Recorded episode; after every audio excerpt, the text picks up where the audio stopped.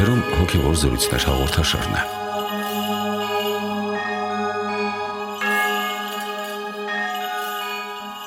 Ողջույն սիրելի ունկնդիրներ, ժամանակը, որում ապրում ենք, անհանգիստ է, մեծ դառնություններ է պատճառում բոլորիս։ Ամենքս խորապես մտահոգված ենք հատկապես վերջին շաբաթների զարգացումներով Հայաստանի ու Արցախի երկնքում մութ ամպեր են կուտակվել եւ բնական է, որ այս իրավիճակում մեզ տանջում են մտքերը, թե ինչու մենք հասանք այս վիճակին, ուր է արդարությունը, ինչու մենք ազգովի եւ մեր իշխանությունը չկարողացանք ճիշտ քայլեր ձեռնարկել ու մեզ պաշտպանել եւ որ ամենակարևորն է,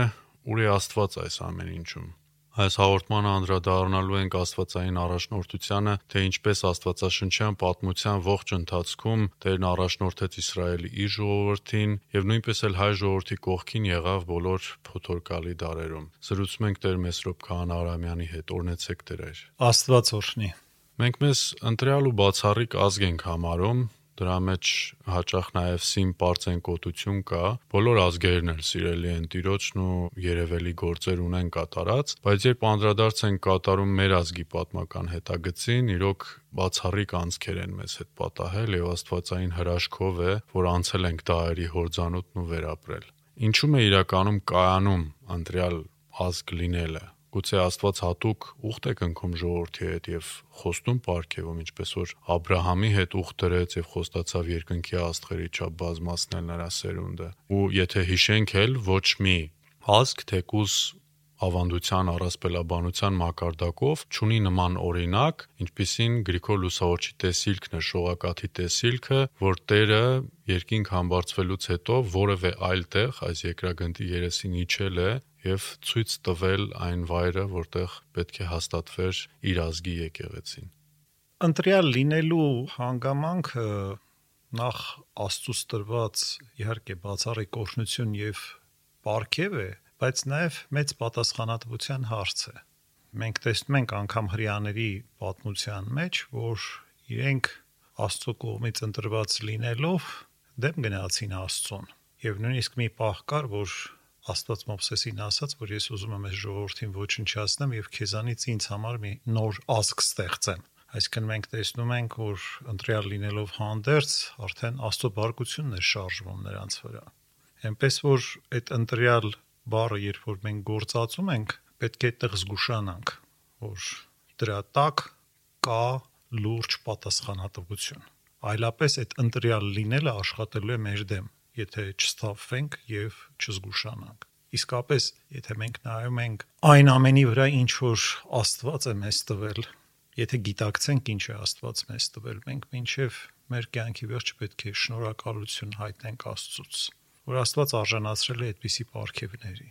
եւ տվել է իսկապես այսպիսի հարուստ ժառանգություն Բայց նորից եմ ասում, մենք չենք կարող ասել, որ եթե մենք ունենք հարուստ հոգևոր ժառանգություն, ուրեմն դա մեզ ապահովագրում է մեղքից կամ եթե մեր հայրերը իմաստուն են եղել, ապա մենք ապահովագրված ենք հիմարությունից եւ այլն եւ այլն։ Մենք տեսնում ենք, որ մենք այսօր ոչ մի չափանիշով չենք համապատասխանում այդ ընտրյալ ազգ լինելու այդ ստատուսին, եթե կարելի է այսպես ասել որովհետև ընտրյալ ազգը, եթե ինքը ընտրված է Աստծո կողմից, ինքը նախ եւ առաջ պետք է հասկանա, որ ինքը Տիրոջ կողմից է ընտրված, ինքը Տեր ունի եւ ինքը դրա համապատասխան պետք է ունենա վարք, մտածողություն, կրթություն, կազմակերպվածություն եւ այլն։ Նամանավանդ որ մենք փոքր թվով ազգ ենք։ Փոքր թվով ազգերը պիտի լինեն վերին աստիճանի կազմակերպված ժամանակակից աշխարհում։ Ժամանակակից աշխարհը լի է վտանգներով եւ այդ վտանգները նախ եւ առաջ սպառնում են մեր ինքնությանը, մեր արժեքներին, մեր գոյությանը եւ այլն։ Իհարկե այդ ընտրյալ լինելու հանգամանքի մեջ ես կուզենայի մի երկու պահ առանձնացնել։ Մեր ընտրյալ լինելը նաև ընտրություն է մարդկության համար Ասեմ ինչու, որովհետև այս հողից է Արարատյան երկրից է տրվել երկրորդ շանսը մարդկության։ Այստեղ է իջել Նոյան տապանը եւ այստեղ Աստված հաշտության ուխտ է կնքել մարդկության հետ։ Եվ այն մարդիկ, ովքեր ներկայացնում են այս հողը հողունի հիշողություն, իրենք ընտրված են խիստ որոշակի առաքելության համար եւ այդ առաքելությունը սոսկ մեզ համար չէ, դա համամարտկային առաքելություն է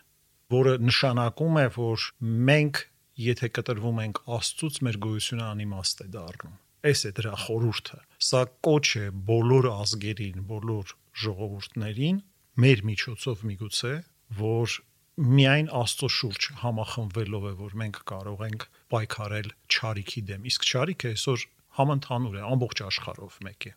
Երկրորդ պահը, որ ես կարծում եմ այդ առաջի այդ պահի հետ շատ խորաղերսներ ունի, այն որ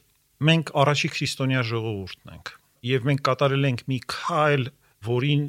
ի վերջո հետևել է մարդկության մեծամասնությունը գոնե կրոնական առումով, որտեվ 4-րդ դարից սկսած, երբ արդեն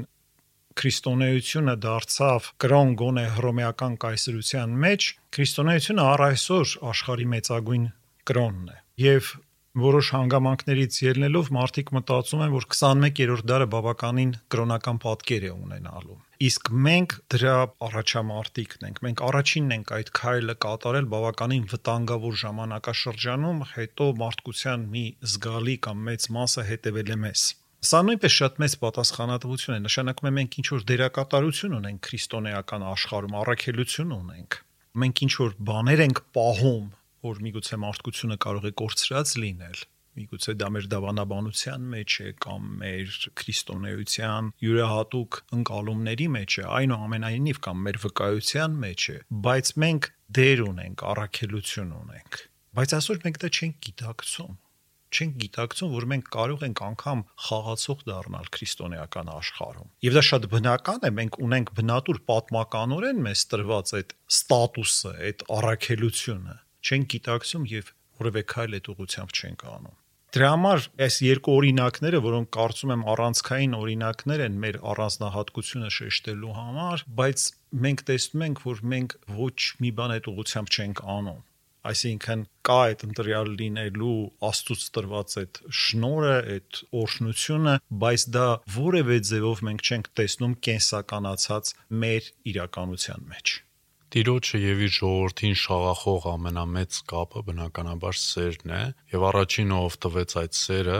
Աստված է, որտեվ Աստված է ոչ թե մենք առաջինը սիրեցինք Տիրոջը, այլ նա սիրեց մեզ։ Եվ եթե խոսելու լինենք Տիրոջ կողմից ընձեռված, շնորհված սիրո մասին, ինչպես ցանկացած ծնող, որ սիրում է իր զավակներին, Ադամի ու Եվայի մեղանչումից ի վեր Աստված երբեք չզլացավ, իր սիրուց երբեք չզրկեց իր ծառաներին, ուղարկեց Իսրայելի ժողովրդի մոտ դատավորների, մարգարեների, թակավորների, որ հովվեն իր ժողովրդին եւ իբրև ժամանակների վերջին իր գերագույն սիրո դրսևորում այնքան սիրեց աշխարհը ասվում է որ անգամ իր միածին որդուն ուղարկեց աշխարհ որպեսզի այն փրկվի իրենով մենք հայերս էլ մեր պատմության դարերի ընթացքում կարող ենք ասել որ բազմիցս զգացել ենք տիրոջ այդ սերը գթասիրտ միջամտությունն ու պահպանությունը եթե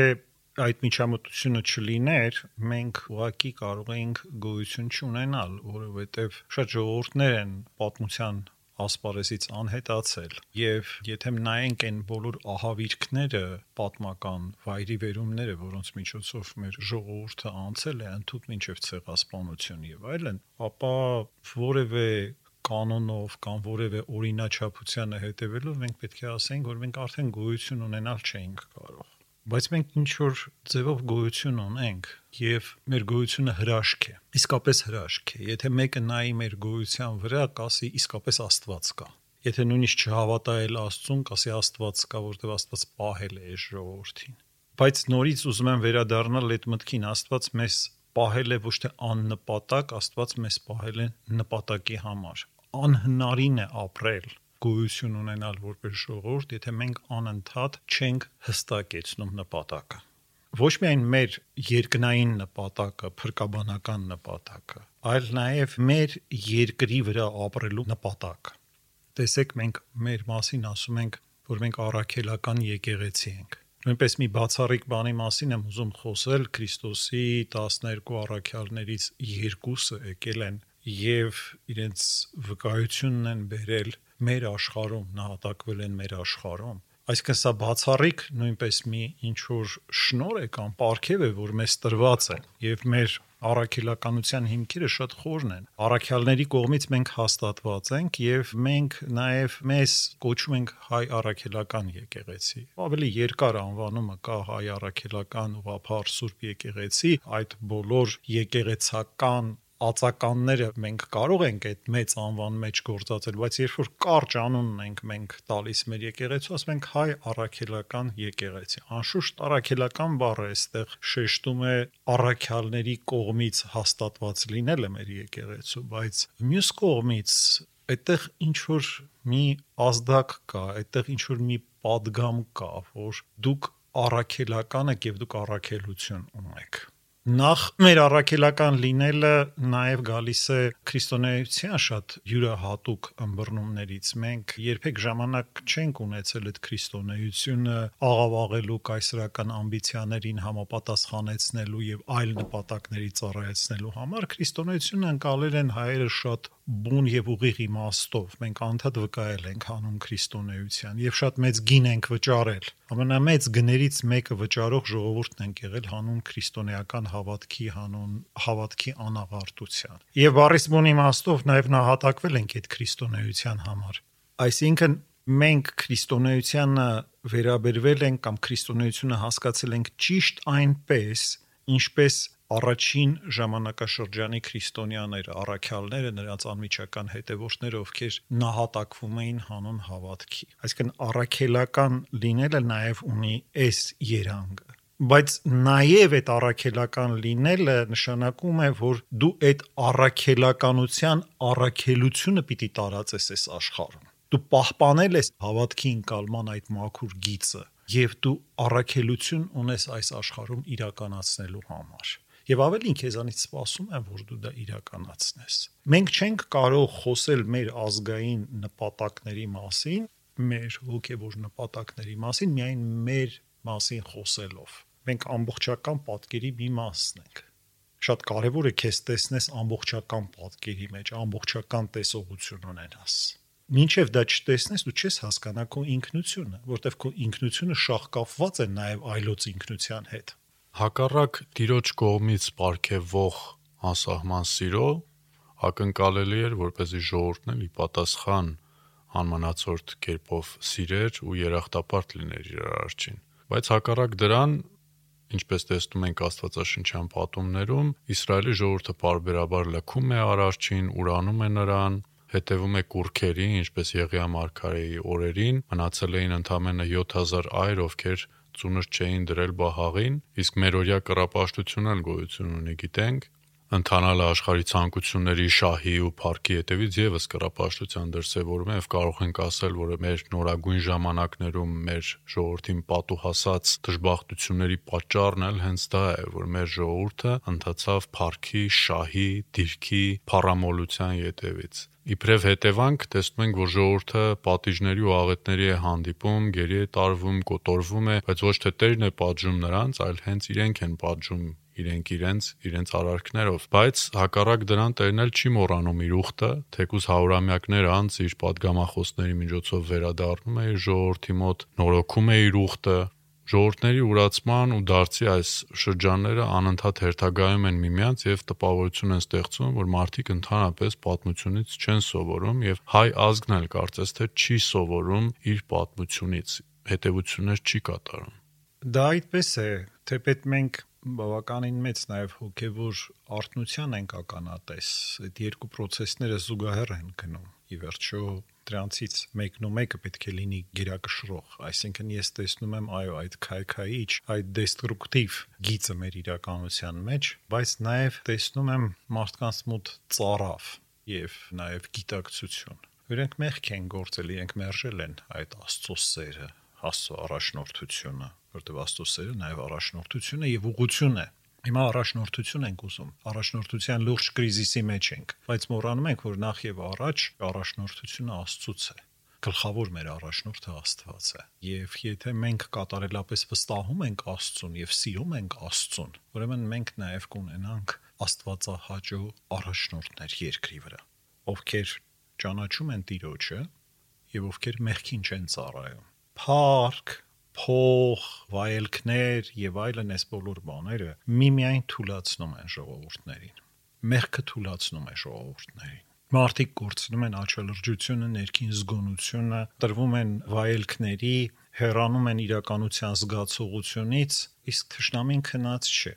Եվ մեր անտեսանելի թշնամին, եւ մեր ֆիզիկական թշնամիները քնած չեն իրենք հենց սպասում են որպեսի մենք տրվենք մեղքին, թուլանանք հոգեպես եւ բարոյապես եւ ֆիզիկապես եւ այնուհետեւ հնարավորինս ինչ որ կարող են մեր ձեռքից վերցնել Էնպես որ սա է իրականությունը եւ պատմականորեն մենք տեսնում ենք տարբեր ժողովուրդների, նույնիսկ քաղաքակրթությունների մեջ ինչպես են դրանք ձևավորվել եւ եթե կա մի սկզբունք, որը ես կառուցնացնեի, որի շուրջ կառուցվել են բոլոր հզորությունները պատմականորեն եւ մինչեւ այսօր։ Ես կառուցնացնեի առաքինությունը։ Ուրեմն բոլոր այն ձեռքբերումները, ինչ որ մարդկությունը ունեցել է դարերի ընթացքում հիմնված են խիստ որոշակի առաքինությունների վրա։ Եթե ուզում եք հասկանալ Հռոմի ամբողջ պատմությունը, թե ինչպես մի փոքր քաղաքից դարձավ աշխարհի ամենամեծ կայսրությունը, եւ այնուհետև երևի մեծագույն ազդեցություն ունեցավ մարդկության հետագա զարգացման վրա, այդ ամեն ինչը եղել է առաքինությունների շուրջ իրենք պայմանավորվել են, որ իրենք պետք է լինեն ժուշկալ, պետք է լինեն համեստ, պետք է լինեն ծառայասեր եւ այլն, հատկապես իշխանավորները, եւ ինչքան վերև է իր բարձանում, այնքան դու ավելի շատ ծառայություն պիտի մատուցած լիներ իշխանականը, ինչքան ավելի բարձր դիրք ուներ կամ նա ով ավելի հարուստ էր, պետք է ավելի շատ բանակում ծառայեր, ռեալ պատերազմների պիտի մասնակցեր եւ այլն։ Եվ ամենակարևորը դու պիտի զուսպ լինեիր եւ չափավոր լինեիր։ Չափավորությունը եղել է մեծագույն առաքինությունը Հռոմի այդ հիմնադիր հայրերի եւ նրանք կարողացան ամբողջ աշխարհը գրավել. Քաղաք առ քաղաք, երկիր առ երկիր հենց սկսեց բարոյալքումը հենց հերացան այդ բարոյական սկզբունքներից առաքինություններից փլուզվեց այդ կայսրությունը ասելիքս ինչ է երբ մենք խոսում ենք ազգի մասին ազգի ուժի մասին եթե ազգը չունեցավ հավաքական առաքինություն ինքը ոչ մի բանի պիտանի չի հենց այդ հավաքական առաքինությունն է մեր արձագանքը աստծո սիրուն Աստված ինչ է ուզում մեզանից, որ մենք մեղքերից մաքուր լինենք։ Մեղքերից մաքուր լինելը արտացոլվում է մեր առաքինությամբ, մեր բարեխոհությամբ, մեր համեստությամբ, մեր խոնարհությամբ, ողջախոհությամբ, այն բոլոր առաքինությունները, որոնցով նկարագրում են եկեղեցու հայրերը հոգևոր կյանքը։ Սրանով է արտացոլված։ Ազգը դա հավաքական առաքինություն է, ազգը դա հավաքական հավատք է։ Ազգը արձագանք է Աստծուն, որովհետև մենք մեր առաջնորդությունը Աստծուց ենք ստանում եւ այդ Աստված շատ յուրահատուկ ձևով է մեզ մոտենում մեծագույն սիրով եւ զոհաբերությամբ իսկ ինչ ենք մենք պատրաստ հանուն Աստծո զոհաբերել սա շատ կարեւոր խնդիր է Եթե մենք պատրաստ չենք որևէ բան զոհաբերել Աստծուն, մեր փոխհարաբերությունը Աստծո հետ ուղղակիորեն չի ստացվի։ Ասում է՝ «Վերցրու քո խաչը արի իմ հետևից»։ Շատ հստակ է չկա ուրիշ ձև նրան մոտենալ։ Ինքը եկել խաչվել է մեզ համար, ասում է. «Ուզում ես իմ հետ գալ, վերցու քո խաչը արի իմ հետևից»։ Խաչը վերցնել Աստծո հետևից գնալ եւ որպես անհատ եւ որպես ազգ նշանակում է գնալ բարոյական մաքրության ճանապարհով։ Այսինքն նշանակում է ամեն օր պայքար մղել մեղքի համար, խաչվել մեղքի համար, որպեսի սուրբ լինես, մաքուր լինես Աստծո առաջ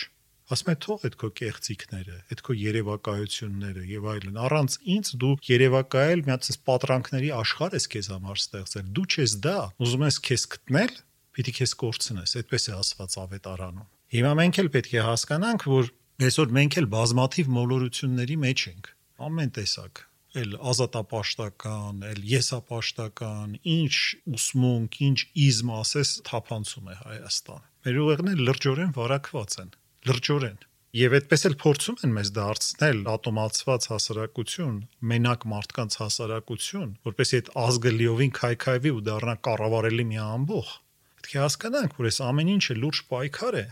բայց այդ պայքարի համար մենք պետք է հասկանանք, որ մենք ունենք Տեր եւ մենք երկրի վրա անելիք ունենք եւ դա է Տիրոջ կամքը։ Հայր մեր աղոթքը ինչպես ենք սկսում։ Նախ ասում ենք, որ թո սուրբ լինի քո անունը Դա նշանակում է, որ Աստված սուրբ է եւ Աստծո սրբությունը, աշուշտ Աստծո անունը սուրբ է, բայց մենք ուզում ենք այդ սրբությունը մեր սրտերի մեջ հաստատված լինի։ Ոչ թե պարզապես ասում ենք Սուրբ թող լինի քո անունը։ Որտեղ Սուրբ լինի քո անունը, մեր սրտերում, մեր հոգիներում թող Սուրբ լինի քո անունը, որ սրբվենք քո անունով։ Եվ երկրորդը թող քո կամքը լինի երկրի վրա ինչպես որ երկնքում է։ Էլի մեր սրտերում լինի քո կամքը։ Ոչ թե դա լինի ինչ որ պարտադրված մի բան, որ մենք սրտով ուզենանք քո կամքը կատարել։ Այդպես է սկսվում, այդպես է մեր Տերը ուսուցանել աղոթելը։ Ինչպես աղոթել, ինչպես արձագանքել Աստծուն։ Երբ խոսում ենք Աստվածային առաջնորդությունից, մեր միտքն են գալիս Աստվածաշնչյան բազում օրինակները, թե ինչպես է Տերը հատկապես նեղությունների օրերին ընթանում իր ժողովրդի հետ, նրանց կողքին, նրանց միջով։ Տերը քայլում էր անապատում ժողովրդի արչևից եւ 40 տարի շարունակ ցերեկը ամպիսյամբ էր նրանց առաջնորդում իսկ գիշերը կրակիսյամբ եւ Աստվածաշնչում ասվում է Տերը հետևակ եղավ ձեզ հետ այդ 40 տարին Տերը բոբիկ ոդքերով քայլեց իր ժողովրդի հետ եւ կիսեց նրա հետ այդ նեղությունները դուք էլ ասացիք որ հայ ժողովրդի ճանապարհը պատմության թատերաբեմում շատ հաճախ հենց Գողգոթայի ճանապարհին է նմանվել, խաչը կրելուն է նմանվել Քրիստոսի եւ Տեր իր աշակերտներին էլ հենց ոչ թե բարեկեցություն եւ խաղաղություն այս աշխարհում խոստացավ, այլ կանխագուշակեց, որ նրանք բազմաթիվ չարչարանքների են ենթարկվելու իր անունով, բայց իրենց մեծ վարձքին արժանանալու են, ասելով, եթե ինձ ձեր տիրոջ ու վարդապետին այսպես արեցին, նույնն էլ ձեզ պետք է անեն։ Բայց ինչն է հրաշալի այդ Գողգոթայի ճանապարհի վերջում, որ միշտ սпасել է, գտել է այդ ճակատագիրը հայ ժողովրդին։ Ես հիշում եմ Նահապետ ֆիլմում, թե ինչպես Նահապետը բարձրաձայն խորհրդածում է իր կնոջ հետ հայ ժողովրդի ճակատագրի մասին, թե ինչպես է որ հայ ժողովուրդը մեռնում է, բայց հարություն է առնում։ Իհարկե, եթե խաչի ճանապարհ է, խաչի ճանապարհի վերջում մեր տիրոջ պես, եթե փարվում ենք նրան, մեզ նույնպես հարություն է սպասում։ Անշուշտ, եթե մենք գնում ենք գիտակցված խաչի ճանապարհով, հավատքով են գնում այդ ճանապարհը, ապա դրա եզրափակումը հարությունն է։ Բայց կա նաև չգիտակցված խաչի ճանապարհ։ Կա նաև ակամա խաչի ճանապարհ։ Երբեմն Աստված այդպես մեզ կամ ուղում է կամ մի մասն էլ դրանից կոտրվում է այսինքն մենք այդ ակամա երբեմն այդ խաչի ճանապարհով գնալով այդ տարապանքների միջոցով ի վերջո գալիս ենք որոշակի գիտակցության բայց ես ուզում եմ ասել, որ դրան պիտի հաջորդի դեռ ամենակարևոր քայլը գիտակցված խաչի ճանապարհ։ Երբեմն այդպես չգիտակցված տարապանքների մատնվելով մենք ինչ որ մի իմաստություն, ինչ որ մի բան ձեռք ենք բերում, բայց դա վերջնական լուծում չի։ Վերջնական լուծումը երբ որ մենք կամովի ենք գնում այդ ճանապարհով։ Իսկ կամովի գնալ այդ ճանապարհով նշանակում է առաքինության մասին լուրջ մտածել այդ առաքինության ոչ թե պարզապես ինչ որ պատկերացումներ ունենալ, դրա գիտակցություն ունենալ, դրա փիլիսոփայություն ունենալ, դրա կրթություն ունենալ, դրա վերաբերյալ որոշումներ կայացնել։ Դա նշանակում է ըստ էության ազգ կերտել։ Եկ այդ ազգը հենց նես չի ստեղծվում, գոյություն չի ունենում։ Այդ ազգը կամ թուլանում է կամ ուժեղանում է։ Ուժեղանում է այն ժամանակ, երբ կա այդ գիտակցությունը, թե մենք ինչպես պետք է արձագանքենք Աստծուն։ Եվ դա սիստեմատիկ կերպով մեր մեջ դրված է։ Մենք հասկանում ենք, որ մեր կյանքը ինչպես կարող ենք հիմնել այդ առաքինությունների վրա։ Այլապես այդ տարապանքները երբեմն մեզ կօգնեն, երբեմն մեզ կկոտրեն, երբեմն կհուսահատվենք, երբեմն կմաքրվենք եւ այլն եւ այլն, երբեմն էլ կարող ենք ուղակի անհետանալ պատմության թատերաբեմից։ Ես ուզում եմ ասել, որ ես չգիտեմ Աստծո սիրո չափը ցե դա ասահման է իսկապես իրավի ոչ ոք չի կարող պատկերացնել Աստծո սիրո չափը բայց նաև որևէ մեկը մեզ երբևիցե չի տվել ապահովագրություն որ մենք մեր հիմարությունների պատճառով չենք կարող վերջնականապես կործանվել չունի որևէ մեկը այդպիսի ապահովագրություն դրա համար պետք է օր առաջ արթնանալ այստեղ ես շատ կարևորում եմ այդ առաջնորդության հանգամանքում եկեղեցու դերակատարությունը Եվ պատահական չի, որ այսօրվա ուսումնասիրությունները ցույց են տալիս, օրինակ World Value Survey-ի ուսումնասիրությունները ցույց են տալիս, որ Հայաստանում հայերը ամենաշատ վստահում են եկեղեցուն, հաստատությունների վերաբերյալ այդ սեկտորում, թե որ հաստատություններին են հայերը վստահում, վստահում են եկեղեցուն 73%-ը գրեթե հայերի կամ լիովին կամ շատ վստահում է եկեղեցու։ Եվ այս վստահությունը նաև հակընկալություն է, որ եկեղեցին ինչպես դարերով, այնպես էլ հիմա առավել ազդու կերպով մեզ առաջնորդի։ Ոչ միայն հոգևոր խոսքով, հոգևոր քարոշչությամբ, ինչը լավ, վատ, կախված հոգևորականների քանակից, որակից եկեղեցին անում է, բայց նաև եկեղեցին մեզ առաջնորդի որպես ազգ որովհետև այստեղ էլ հոգևոր գործիքներ են պետք եկեղեցին առաջնորդի որպես ազգ եկեղեցին մեզ ազգ դարձնի Սա էկլեզիայի խորհուրդը։ Էկլեզիան այդ ազգի մաքուր կարգավիճակն է, երբ մենք բոլորս իրար հետ հավաքվում ենք որպես Աստծո ժողովուրդ։ Դառնում ենք ազգ։ Էկլեզիա նշանակում է ժողով, հավաք, ժողովուրդ է բառի սփուն իմաստով նշանակում։ Սա նշանակում է, որ եկեղեցին մեզ ազգ դարձնող, գլխին տեր ունեցող ազգ դարձնող հաստատությունն է։ Ինքը զորությունն է, ինքը մեզ հավաքում է, մեզ հավատքով հավաքում է եկեղեցին։ Եվ սա շատ կարևոր հանգամանք է, այնպես որ այսօր ես կասեի ավելի քան երբևէ միգուցե էլի եղել են պատմական ժամանակաշրջաններ, բայց այսօր հենց այսօր սպասումները եկեղեցուց առաջնորդության առումով շատ մեծ են։ Ինչպես որ մարտն է հիվանդության խորանալուց հետո արդեն ճարահատ դիմում բժշկի, նույն կերպ էլ ժողովուրդները կարող են դժվարին պահերին ստիպված արդեն աղաղակել Տիրոջը։ Ժողովուրդներն էլ կարող են ուշքի գալ եւ հիշել իրենց առաջին։ Մեր ժողովուրդը հիմա ծանր օրեր է ապրում, ինչու հարցնում ենք մեզ, որովհետեւ անկախացումից ի վեր ազնիվ չեղանք, չսիրեցինք մեր եղբորը, չծառայեցինք իրարու մեր հայրենիքին։ Դրա համար էլ հիմա մեր սրբավայրերը ոտնակոխ են լինում, ժողովուրդը գերության մեջ է եւ կոտորվում է,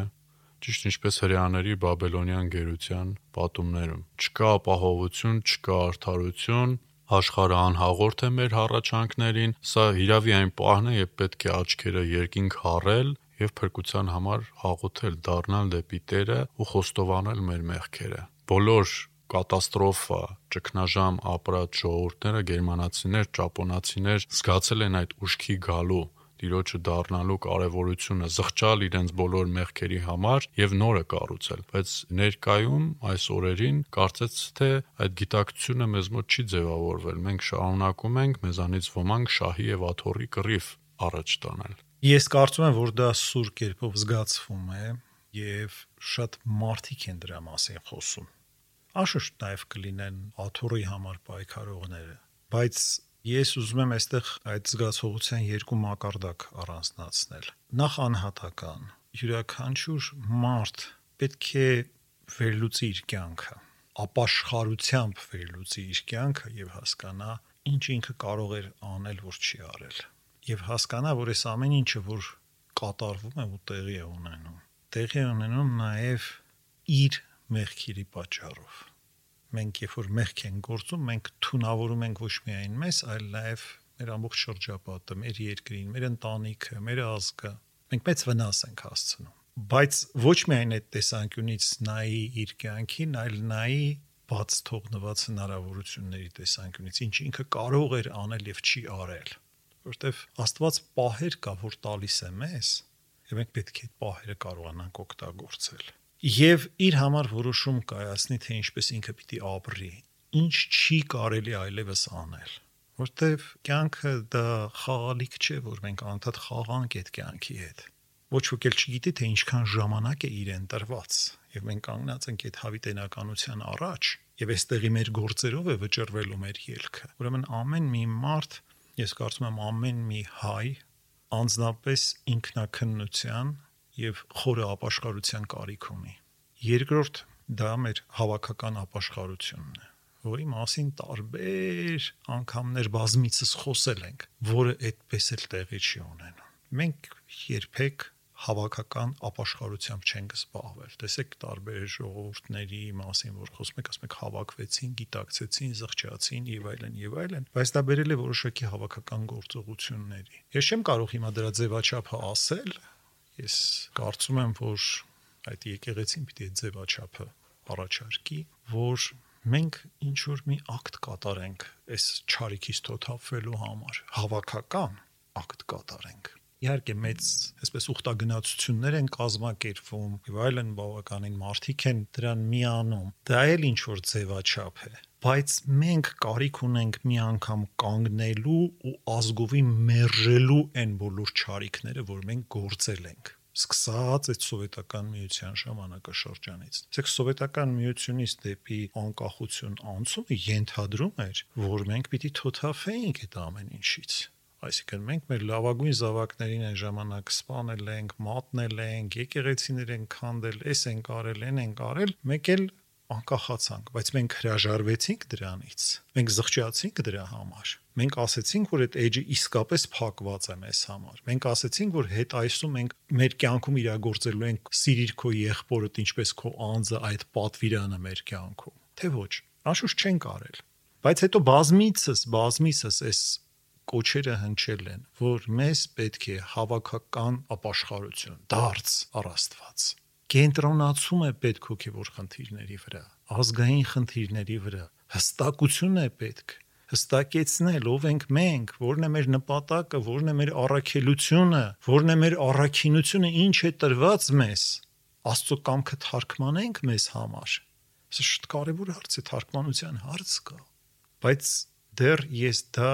չեմ տեսնում բայց սպասում եմ ու ես կարծում եմ շատ շատերն են սպասում դրա սպասումը շատ մեծ է որովհետև մենք հասկանում ենք որ սենց ապրել հնարավոր չի մենք ուզում ենք ուժեղ դառնալ ստիփած ենք ուժեղ դառնալ որովհետև ուժեղ չլինենք մեզ կոտրելու են բայց ուժեղ լինելու համար մի բան է պետք մակրություն սրբություն իհարկե միանշանակ մեր անհատական եւ ազգովի քայլերը ի պատասխան տիրոջ սիրո եւ առաջնորդության շատ կարեւոր են, որովհետեւ շատ հաճախ այդ դժբախտություններից հետո մեր ազգը դիմում է Աստված արդարացման խնդրին, թե ուր էր Աստված, ինչու Աստված մեզ չփրկեց այդ նեղություններից ու դժվարություններից, բայց չենք պատասխանում այն հարցին, թե արդյոք մենք հետևում ենք Տիրոջ կամքին, թե ոչ, եւ ուր ենք գնում եւ ինչպիսին են մեր քայլերը ազգովի նախաձեռնված։ Հիշենք Սաղմոսի խոսքերը, որտեղ խորհրդանշական ներկայացում է Տիրոջ առաջնորդությունը եւ հուսալիությունը նրա առաջնորդության, Տերն է իմ հովիվը եւ ինձ ոչինչ չի պակասի։ Եթե նույնիսկ անցնեմ մահվան ստվերների միջով չեմ վախենա չարից, քանզի դու Տեր ինձ հետ ես։ Շնորհակալ եմ զրույցի համար Տեր հայր, մնացեք խաղաղությամբ։ Thank you.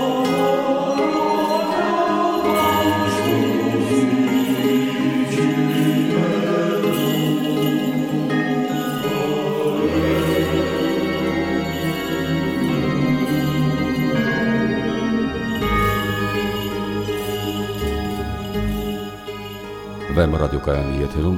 հոգևոր զրույցներ հաղորդաշարներ։